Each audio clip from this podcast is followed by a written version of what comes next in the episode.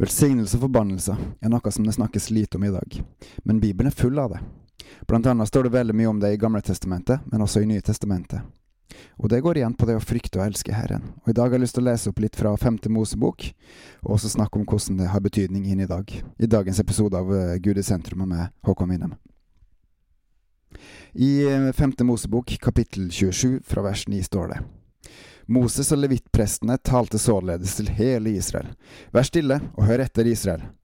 Denne dagen er du blitt et folk som tilhører Herren din Gud. Vær da lydig mot Herren din Gud, og hold Hans bud og forskrifter som jeg gir deg i dag. Samme dagen ga Moses folket dette påbud. Når dere har gått over Jordan, skal disse stammene stille seg opp på Gerasimfjellet og lyse velsignelser over folket.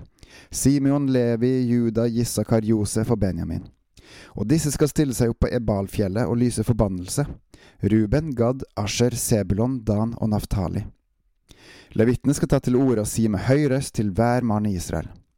Forbannet være den som lager et utskåret eller støpt gudebilde, en styggedom for Herren, et verk av en kunstners hånd, og stiller det opp i hemmelighet.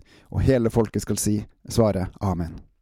Forbannet være den som vanærer sin far eller mor, og hele folket skal si Amen. Forbannet være den som flytter merkesteiner mellom seg og sin nabo, og hele folket skal si amen. Forbannet være den som fører en blind på feil vei, og hele folket skal si amen. Forbannet være den som fordreier retten for innflyttere, farløse og enker, og hele folket skal si amen. Forbannet være den som har samleie med sin fars kone, for han vanærer sin fars leie, og hele folket skal si amen. Forbannet være den som har omgang med dyr, og hele folket skal si amen. Forbannet være den som har samleie med sin søster, sin fars eller mors datter, og hele folket skal si amen. Forbannet være den som har samleie med sin kones mor, og hele folket skal si amen. Forbannet være den som i hemmelighet slår sin landsmann i hjel, og hele folket skal si amen. Forbannet være den som tar imot bestikkelser for å slå i hjel en uskyldig mann, og hele folket skal si amen. Forbannet være den som ikke holder fast på ordene i denne loven, og ikke lever etter dem, og hele folket skal si amen. Forbannelse er ikke bare noen eh, mørke tanker eller ord om noe, men forbannelse er noe virkelig, det også.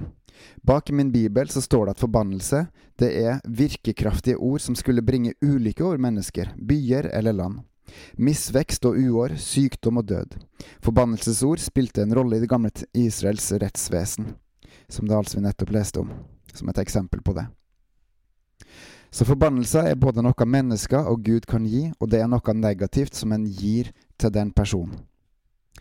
Um, det som er viktig å tenke på innen den nye pakten, for vi lever ikke under den gamle pakten lenger, men den nye, det er de to bud. Gud forventer at vi skal rett og slett følge Han. Han vil at vi skal elske Han, og han sier at vi også skal elske våre trossøsken, våre brødre. Det er de to store budene.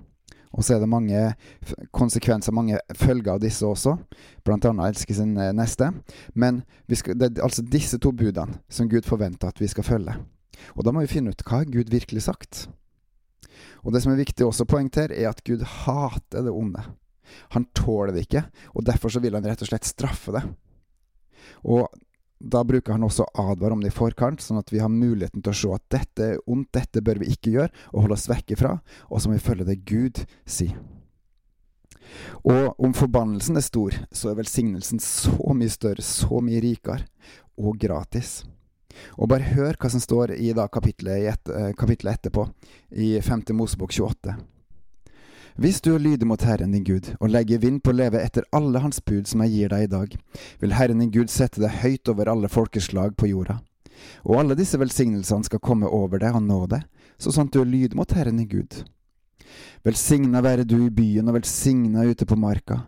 Velsigna være din livsfrukt og grøden av din jord, det dine husdyr bærer, avkommet av ditt storfe og tilveksten til ditt småfe. Velsigna være din kurv og ditt bakste trau.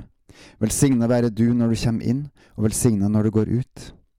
Når dine fiender reiser seg mot deg, vil Herren sørge for at de blir slått av deg. Drar de ut mot deg på én vei, skal de flykte for deg på sju veier. Herren skal by sin velsignelse være med deg i din matbod og i alt ditt arbeid. Herren din Gud vil velsigne deg i det landet han gir deg. Herren vil gjøre deg til et hellig folk for seg, slik som han med ed har lovt deg, så sant du holder budene fra Herren din Gud og går på hans veier. Alle folk på jorda skal få se at Herrens navn er nevnt over deg, og de skal frykte det. Herren skal gi deg rikelig av det som godt er, både barn og avkom i budskapen og grøde på marken, på den jorda Herren med ed lovte dine fedre at han ville gi deg. Herren skal åpne for deg sitt velfylte forrådskammer, himmelen, og gi landet regn i rette tid og velsigne alt du gjør med dine hender. Du skal låne ut til mange folkeslag, men sjøl trenger du ikke å låne. Herren vil gjøre deg til hode og ikke hale. Alltid skal du ha fremgang, aldri tilbakegang, så sant du lyder budene fra Herren din Gud, som jeg gir deg i dag, og legger vind på å leve etter dem.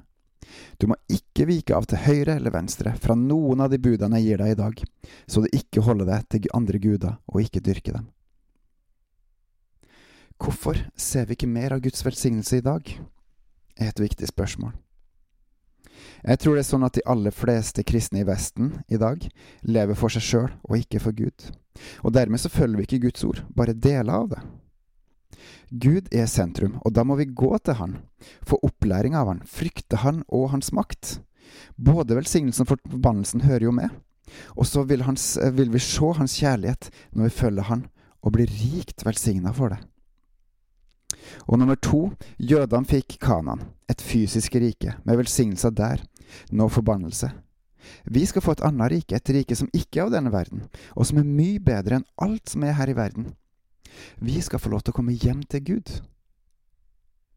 Allerede nå, som Guds barn, får vi himmelske velsignelser. Vi har allerede arva Guds rike, og vi er hans arvinger, og Gud har gitt oss sin Hellige Ånd som pant i våre hjerter. Og han taler til oss, han veileder oss, han viser oss Guds ord, han viser oss Guds vilje. Han gir oss av Guds kjærlighet, han gir oss av Guds omsorg. Han viser veier som Gud vil at vi skal gå på, for at Hans vilje skal skje, for at Hans rike skal komme, og at Hans navn skal bli løfta opp. Vi må slutte å leve for oss sjøl, og leve for Gud. Vi må slutte å ha oss sjøl i fokus og heller sette Gud i sentrum. Vi må slutte å følge egne lyster og begjær og tanker, eller det som er i samfunnet rundt oss, og så må vi følge Gud. Følger vi Gud, så kommer velsignelsene med. Er du usikker på om du følger Gud, si det til han, og fortell han at 'jeg ønsker å følge deg, Gud'. Hjelp meg i min svakhet. For det er jo kun i Guds kraft at vi klarer faktisk å følge Han. For som Paulus sier i Romerne, det vi ikke vil, det gjør vi, og det man vil, det gjør man ikke. Og sannsynligvis står det i motsatt rekkefølge. Eh, men uansett Det er kun med Den hellige ånd at vi klarer å følge Gud. Det er kun i Guds kraft at vi klarer å vokse med Gud og gå på Hans veier. Vi skal gå med vår kraft, og så er det mulig med Guds kraft. Vil du følge Gud? Vil du bli rikt velsigna av Han? Følg Gud, gå til Han, vær med Han. Bebels på gjenhør.